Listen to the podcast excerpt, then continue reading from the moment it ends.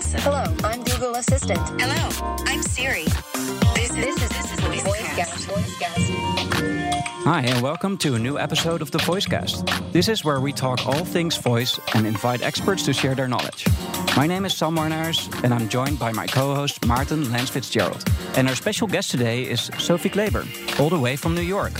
How are you, Sophie? Hi, I'm good. Thanks for having me. Yeah, you're you're uh, from Huge. Can you tell a bit more about what you do there? Yeah, I'm a global executive creative director at Huge. So I uh, deal with the user experience of all emerging platforms, voice being one of them, no UI being another. Um, and I get to talk and think and do a lot of things that lead the way into the future. Great. And my name is Sam Marnaars. Uh, I'm your co host together with Martin.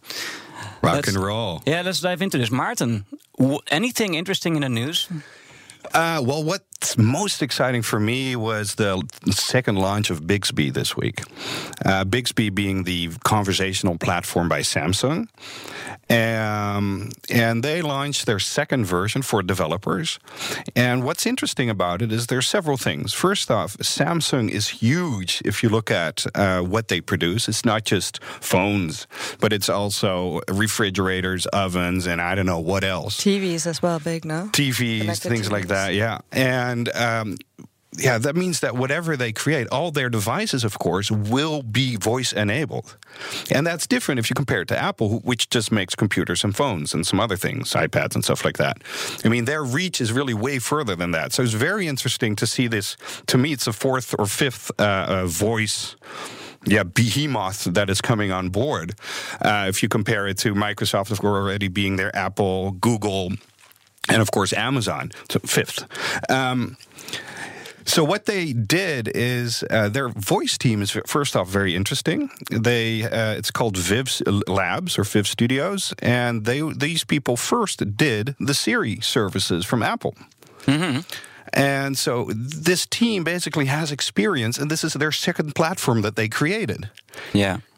Uh, I, I find it very interesting because before Bixby was already there and was mostly um, like a tool to automate your complicated Samsung UI living on the phone. And now they are looking to expand this beyond the phone, right? Yeah. Yeah. They really said, like, our strategy is to have conversation everywhere, and that is the main interface. Basically, what we want, for instance, Apple to do, but they don't right now. They said, this is our game. We got the best team. We have the best tool. Come on board. Let's do this. And even though they're not as big as Apple, for instance, Apple has, uh, what is it, one trillion uh, uh, market cap.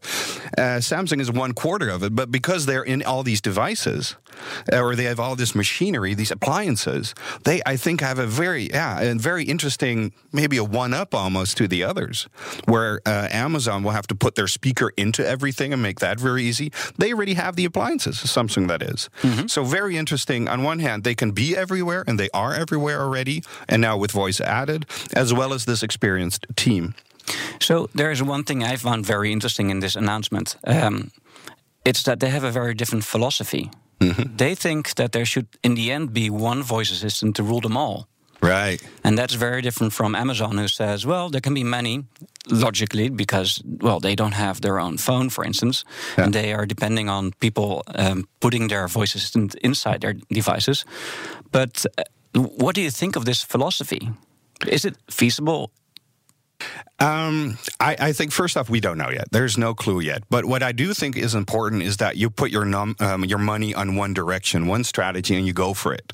This is the first time that somebody says we're going to go everywhere, and this is our voice, our platform, and this is how it's going to work. With Alexa, for instance, with Amazon, they also do cooperation with uh, Microsoft, so that's kind of like a hybrid form that they obviously pursue, but they don't really explicitly say so. Uh, it seems so that Microsoft, with their Cortana platform, is always almost going a step backwards, back into the the the, the middleware, the and and offering services. I mean, I heard even that they uh, make Siri possible from one part. So that means that maybe they will be more of like like delivering components to make conversations work. Valid strategy, but yeah, it will need to pan out. And Apple, of course, we don't know yet.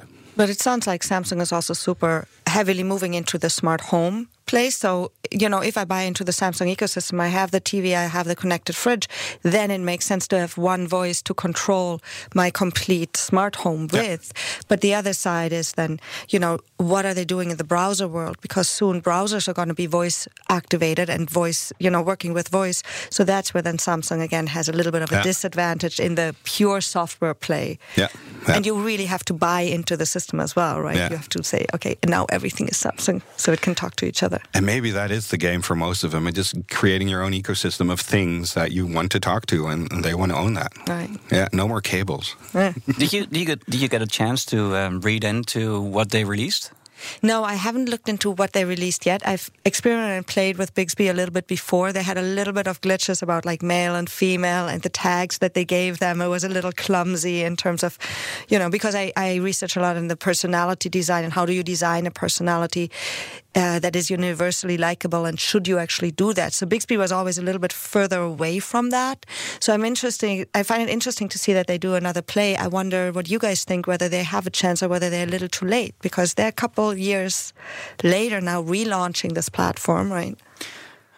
I don't think they're late at all. It's very early in this whole voice game, so I, I give them a fair chance um, because of the the footprint they have. They have so many devices being out there, and they have a lot of power there. And um, I think. Uh, Looking at the maturity of all the, the other platforms, we're very, very early in this S curve of adoption and also of development. Of development as well. Yeah. Yeah, and so there's a lot of room for doing things very different. The first iPhone came out without an app store, and one year later, suddenly there is this boom in the marketplace with people starting to develop for mobile applications, which is. Um, I mean, like, it didn't the, the iPhone was groundbreaking, but one year later was the actual groundbreaking part. Yeah, And- and the iPhone was say five to ten years later from the original Nokia's and Blackberries. Yeah, you had touchscreens, you had um, better resolutions, you had better speakers, but they weren't combined in the right way. Maybe Samsung is up to something. I don't know. I don't really like the current Bixby, but I'm very curious to find out more about their this different philosophy. They say it's it takes some getting used to to develop for this because of their philosophy. Um, also, it's a whole new platform, so I can imagine there are some kinks in there. Uh, but I'm, I'm, I'd like to try it out. I mean, I think what you're saying that is interesting as well is the the question between voice operating system and voice app, right? And I think that we're seeing a lot of plays in both. Like Alexa is going heavily on the voice app idea where everyone can develop anything, but you can't use your own voice. And the Samsung play seems like an operating system play where it's a little bit more, which Google, I'm sure, is the operating system play as well, where it's more like this is how you control everything. Hmm. And then potentially other voices, your bank or your, your pharmacy can come in and have a different voice in that operating system. But the main voice is then Samsung or Google. yeah, yeah. Well, we'll see, I guess. Yeah. Yeah. So let's move on to uh, to another like another news item. Uh, Martin, what did you do last Saturday? Well, last Saturday I was at the Drongo uh, Festival, and which is a language festival, and there was one speaker I have been following uh, for over a year and wanted to meet, which I did, and I heard her, uh, which is Elizabeth Stokoe. She's a professor of uh, human design or human interaction at. Loughborough University. This is, this is the Midlands in the, in the UK. And basically, what she does is she studies conversations. And so, how do conversations work? What doesn't work? What works? And from the moment I got into really got into voice, I was like, I by chance found her. I'm like, wow, she knows already. She knows what we are trying to do. Um, I and what really makes she makes clear for me is like we have we're so at the beginning. Our current conversations that we do with the assistants is is not even worth mentioning, if you will. But also, uh, you and I now conversing we, we all here together we so operate on automatic on stuff we learned on presumptions we never consciously really make a choice and um, she did. She studied it. She knows when to use what word. And just seeing that ability um, i think is, is, so useful. It's uh, i compared it earlier to when i in the 95 or something created my first website and was happy with my times roman black on the gray uh, netscape screen or ncsa screen. Uh, if you then would have shown me for instance the complexity of the facebook app uh, I always be like, "Oh man, we got so really excited! Like, uh, what's ahead and how we're going to get there." Well, to me, that was the same effect. Like, it's well, we indeed are so much not there, but we'll get there. Yeah. So I really like this idea of being able to look forward and see what's coming up next, uh, because it gives you direction on where to focus on. And um, I'm not sure, maybe. Uh, this is a complicated question because she's just talking about the possibilities of the language, but can you abstract anything from that? Where to move on next, or what maybe makes for a useful uh, voice use case? I, I, see you nodding, um, Sophie. Yeah, I'm. Uh, so I think it's so fascinating because um, we are trying to rep- replicate something that is so innate thousands and thousands of, of years learned in the human nature is that idea of conversing with each other. And what we're doing right now is we're basically building a little bit of a cuter version of voice commands, right? We're not really building conversations because we don't know what it is. We are, to your point, Sam, we're struggling to find the use cases, right? But as long as we're thinking use cases, we'll never think conversation. And the interesting thing that I think comes in any conversation is almost subconscious intention of why I am talking to you right now. Do I want something? Do I want you to like me? Do I want us to get along? What is the underlying intention of that conversation? And these are never use cases in its kind of like clearest form as we do it in user experience design. So I'm really excited to hear more about her and what her yeah. theories are. Yeah. Um, well, let's uh, listen to just one part where she introduces just four interaction moments uh, and, and what you can get from that. I mean, imagine doing this with your, uh, uh with your speaker app. Okay, so I'm going to show you now some data from different sorts of conversations to build up our sense of why it is important to have a scientific approach to this thing we just, we just do. And I'm going to start with a telephone call, a very ordinary domestic telephone call between two friends, Hyla and Nancy. These are old technology, landline phones. It's American data. And Hyla is, or Nancy is going to pick up the phone and, and say hello. Hello? That's it. Okay, hello. You're going to see each time I play some data now, you're going to see a line number for the transcript and then the name of the speaker. And then what they say will come in sync with the audio. And you'll see that there are dots and dashes and squiggles in the transcript that are to do with the way talk is delivered. So there's a difference between saying, oh, and oh. And those things are important because they change what it is that you're doing with the word oh. So we have a hello and answering hello. And then Hyla comes back. Hi. Hi. Okay. And Nancy. Hi. Hi. Okay, now can you see that that's a quite different type of thing, even though it's the same word, basically? Now we have a hi, which is a greeting, but also recognition. I now know who it is that I'm talking to.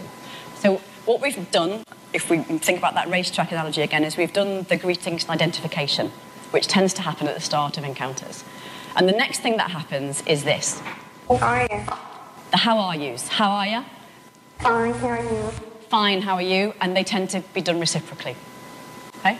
Just very ordinary, very recognizable. You will have done this yourself many times today, probably. Hello, hello, hi, how are you? Fine, how are you? And you do it in that reciprocal way. Now, here it comes again in, in one in one hit. Hello, hi, hi, how are you? Fine, how are you? Right. When you look at hundreds of examples of the start of telephone calls between friends, they tend to look a bit like this. They also look a bit like this if you're on Skype. This is me and my dad Skyping. Are? I'm fine, thanks. How are you? Um, they look a bit the same if you're on Facebook Messenger, so this is a bit slower because they're typing, but anyway, here it comes. Hey Myra, how are you? Type, type, type. Typing. Hey you. Not too bad, thanks. So we have this reciprocal sense that, and it seems to happen fairly robustly at the start of encounters. And you can see from these encounters that the people all know each other. It, it, it's displayed in. So, what I like about this is like four interaction points hi, hello, hi, and how much we humans get out of that. In her talk, she also has a good example of uh, a, a negative one where there's a boy who did something, I don't know exactly what, and just like there was point uh, 0.7 seconds of uh, after, uh, she, or he said hi, and then he or no, he said hi, and then she, after uh, 0.7 seconds, said something, and that was so clear that it was he was he was in the bad. He was not good. Yeah. And those little infections, those little design patterns. I mean, man, we're so not doing that yet. There was a research study, um, I think also in, in, in Glasgow or in, in, in Scotland sometime in the 60s, I think, where they were trying to figure out how much of your personality is in the voice. And it was also on the word hello. Yeah. And whether you say hello or you say hello, like these different types kind of, they showed it to 300 people, like just these, these clips of hello. And the people rated these people's personalities with a very con- close consistency. Accuracy is TBD, but consistency in how they Yeah. rated these people's personalities. So, in your voice, there's a lot of personality, Exactly. a lot of who you are, and a lot of the Yeah. relationship to the other person. Yeah. Yeah, what I like, and so in her talk, she also has examples of what words to use when. She uh, had two examples of people about to commit suicide. So we weren't able to uh, record this. And she showed us what words to use when to get them to stop what they're doing or to choose life, basically. And it was so heavy. That is powerful. Yeah, but of, of course the drama around it. But just those words, that's what I mean. We, we are just floundering in our conversation. But if you think about it, if you know these things, and just imagine the her type future where at certain moments we will get whispered the right words to make ourselves more effective. And to me, it's like, wow, we can learn so much. So she has a book coming out uh, end of November called Talk uh, in the UK on Amazon and everywhere else. So I'm so going to get that because uh, excited about it. So we have one more item for this week, right? Um, last week, uh, it was one of the few um, uh, news moments where uh, a company announced that they received funding for a voice game. Uh, Drivetime is a trivia game for people who are commuting, and they've received four million.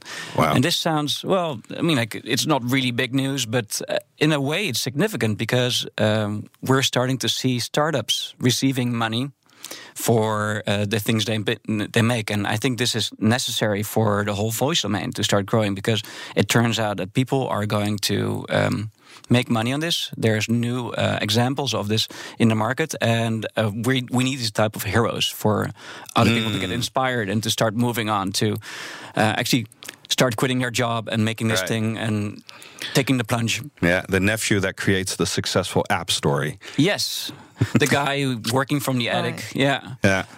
Well, the interesting thing about this, I think, is um, the fact that there is um, an idea. We're still searching for use cases for the for the voice apps, right? If you look at Amazon, they tell you clearly what works is smart home, command center, and utility. What's the weather? Put this in my calendar. These types of things. But the idea of actually truly having conversations or having entertainment, storytelling is a big one that we haven't really explored. I find it very interesting that this is kind of a first try into that entertainment world. I find it also interesting that they're saying it's one specific use case, like that idea of being in the car and having that that still works with not self-driving cars, but with mm-hmm. you driving a car, right, as a game going on.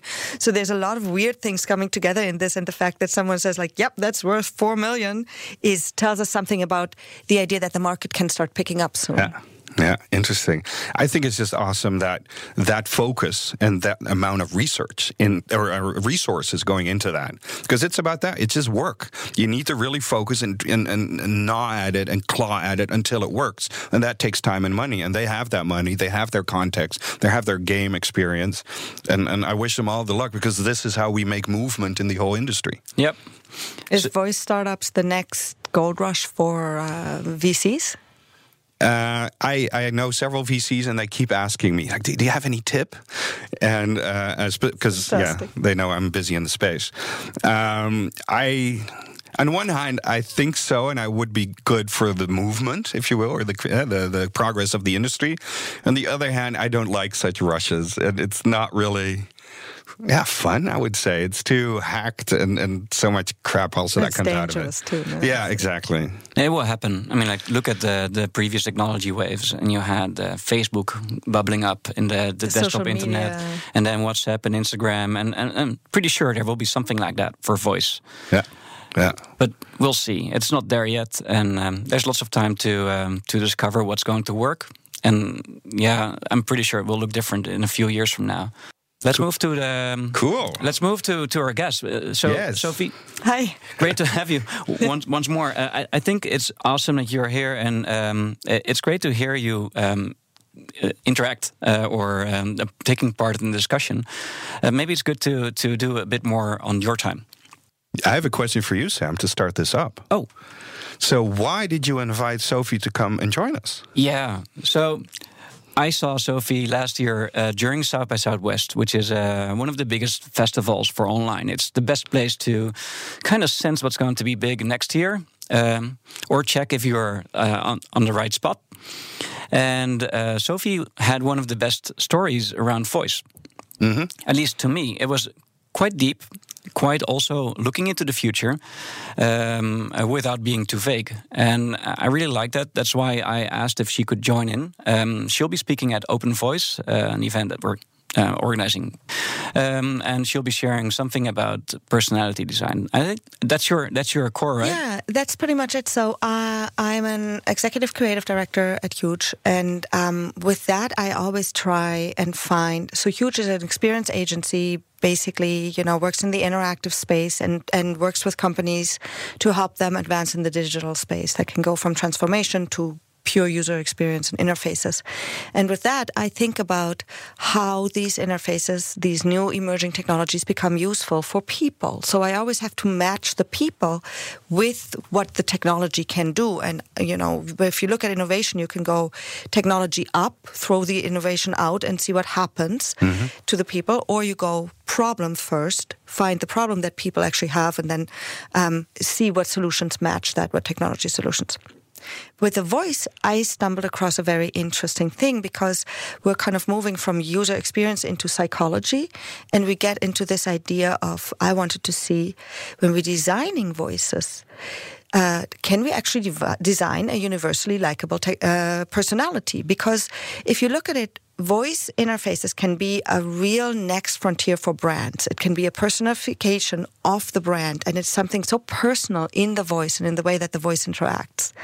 So, with going into that direction, I actually found out that yes, you can absolutely design a universally likable personality, and I'll tell you how. But should you actually do that? Because, you know, strong brands are like strong people. They stand for something and they also stand against other things. So, this The is Marlboro Man. the Marlboro Man, or, or you think To about throw something out there. well, you think in, in the U.S. there's this, um, you know, uh, this uh, insurance company, Progressive, and they have a person. Her name is Flo, right? And she's such a strong personality. And now think about a Flo in your house on your voice speaker, so everyone all of a sudden really interacts with a brand, and it's a it's a very personified like front line of mm-hmm. your brand.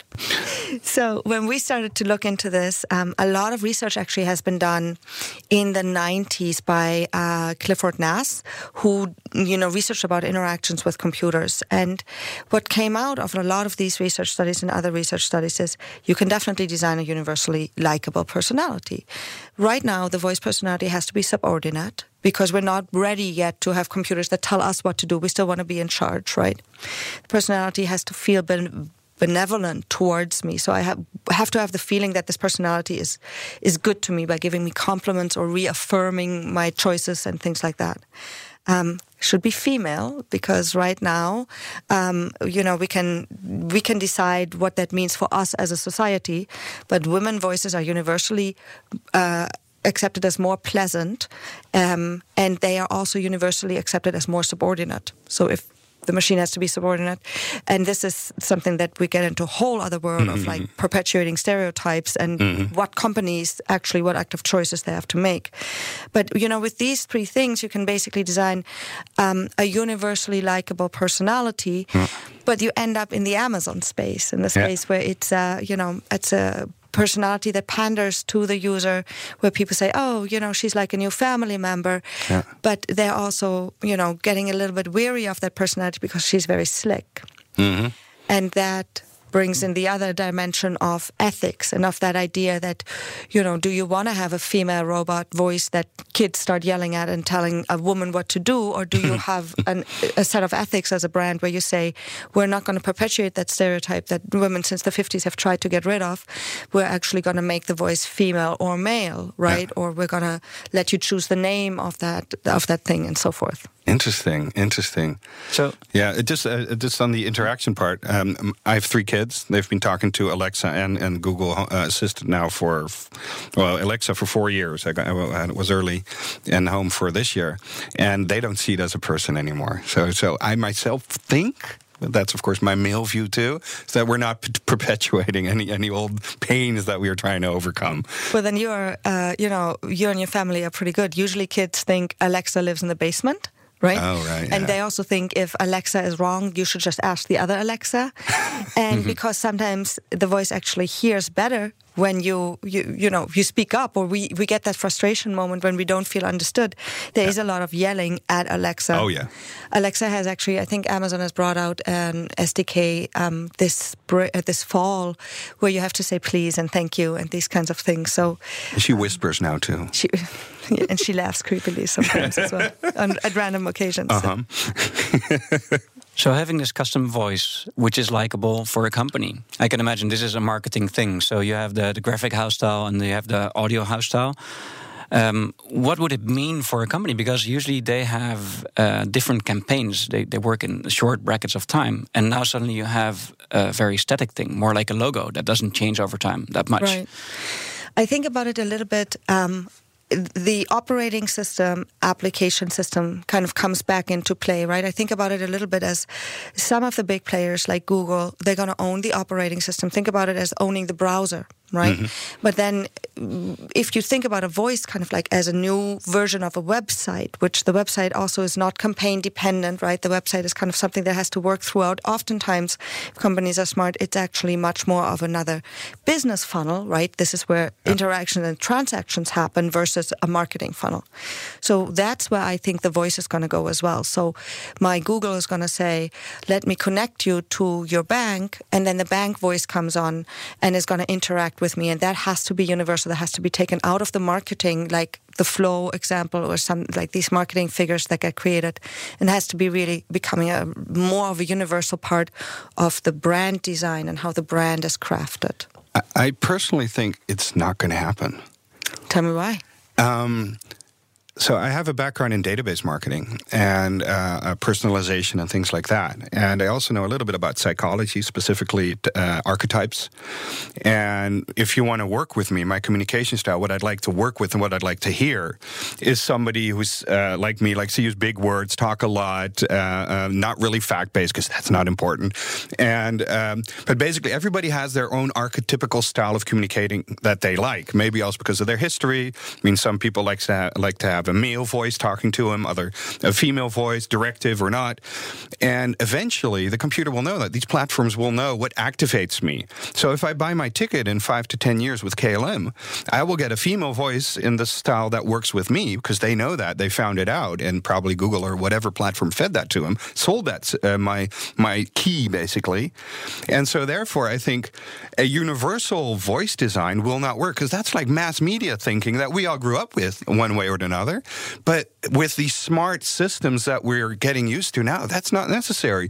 And it only is the fact that the people who decide are old style, like me growing up with TV and only three channels, the mass media approach, or people that really understand and can work with different types of interaction with all their customers. Because if you have a million customers, you'll have a million voices.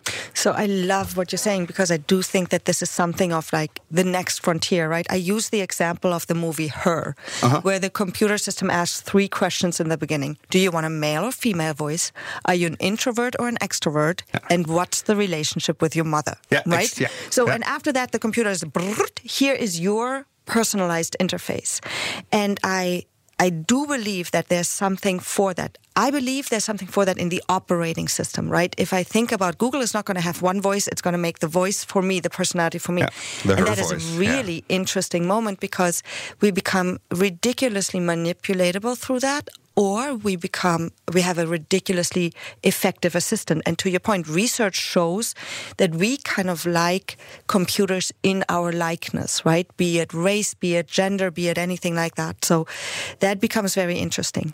Where it the rubber hits the road is the question about brand um, personality versus my own personality.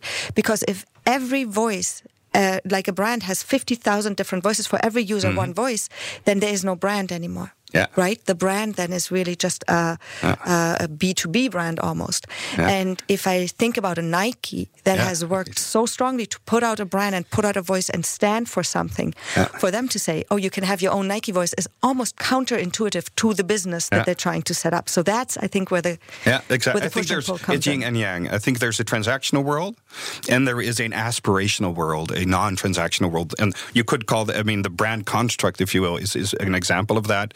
And somewhere it's going to be mixed up, and one time you'll have the Nike, uh, maybe yeah, personality, and sometimes you have the uh, conversation thing. Yeah. So let's let's round it up because we have one more item in the show where Yes. we go through um, like an action or a skill Mm-hmm. because it's quite hard to find them. So it's very nice if some people point out good actions or skills to try out. Uh-huh. And every week we try something new. And this week um, we picked Maarten. What did you pick actually? Well, it's uh, one that I knew about over a year ago because I met the guy who made the first one and got uh, was able uh, through the perks that he received from Amazon to start his own company because of it. It's a game I played last week with my family at the dinner table, and. Why I chose it, I'm purposefully not saying yet what it is, is that it was for the first time I had a family experience with voice instead of a functional. Uh, and it's uh, Would You Rather? So, uh, Sam, would you rather be a pirate or a ninja? Ninja because I don't do very well on the boat.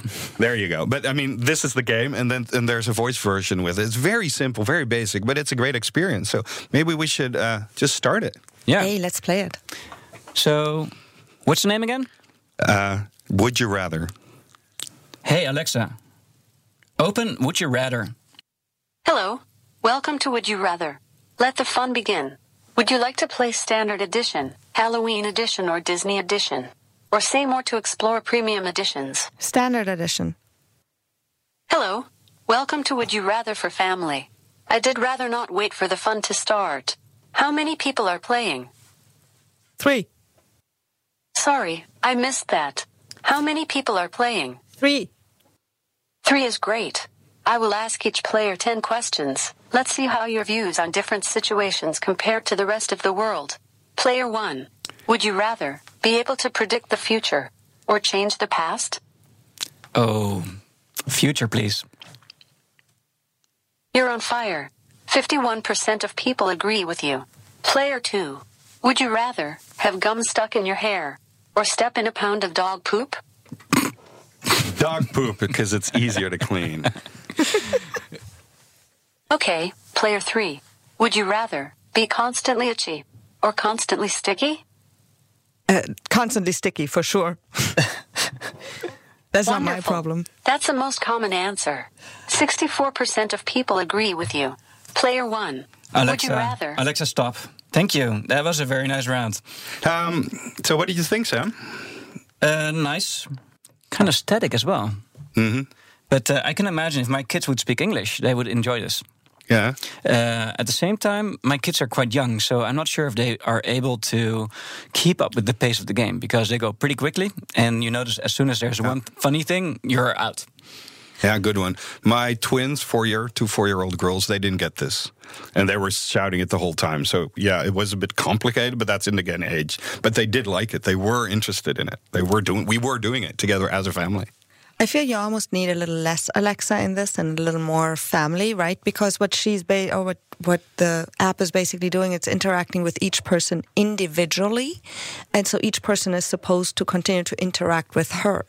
But it would be nicer if she would just throw out these questions and then the group can discuss and and decide. Because the facts, the stats, the reply is is a okay, but it's really just the first thing. The the if she was a true game moderator it will be much more in the background. So Interesting. Yeah, yeah. Uh, I recently created this in Dutch for the uh, Google Assistant. So I created an action. And my uh, attempt was what you just uh, explained. But in the user experience, uh, I do want to answer and I do want to hear it talk. So I Well, found, yeah. I think that's the funny thing also is how the SDKs are set up, right? The SDKs are set up extremely app focused. So it, it makes this assumption that a one a single person has a single interaction with the app. When this is the first time where you say there is an interaction between the players as well, and how is an app or a voice assistant going to interact with that? How is it going to pick up on the nuances, on the ideas that other people are talking Yeah. right now? And when is it going to be brought back in without losing the whole The, yeah, you know, the flow. thread? Yeah, yeah. yeah. Now, indeed, I, and, and I have not answered that myself. I just now serve up the, the, the, the questions, and basically thinking about this, and also with your feedback, I'm thinking, like, maybe, yeah, next round should be the next one, and it should wait, not listen, just say, and are you ready for the next round? And then Yeah. yes, Yeah. and then we can play with it. Yeah, so that brings us to the end of this episode. Thank you very much for joining us all the way from New York, Sophie. Hey, And- thank you for having me. And uh, Maarten, um, my co host, thank you very much. And my name is Tom Barnaars. I'd like to listen or have you back in our show um, in two weeks because in two weeks we'll have our next episode up. We don't know which guest yet, right? We're not going to share. No, we're not going to share. No, It'll be it's a, it's a surprise. yes. So see you in a bit. Bye bye. Cheers. Bye.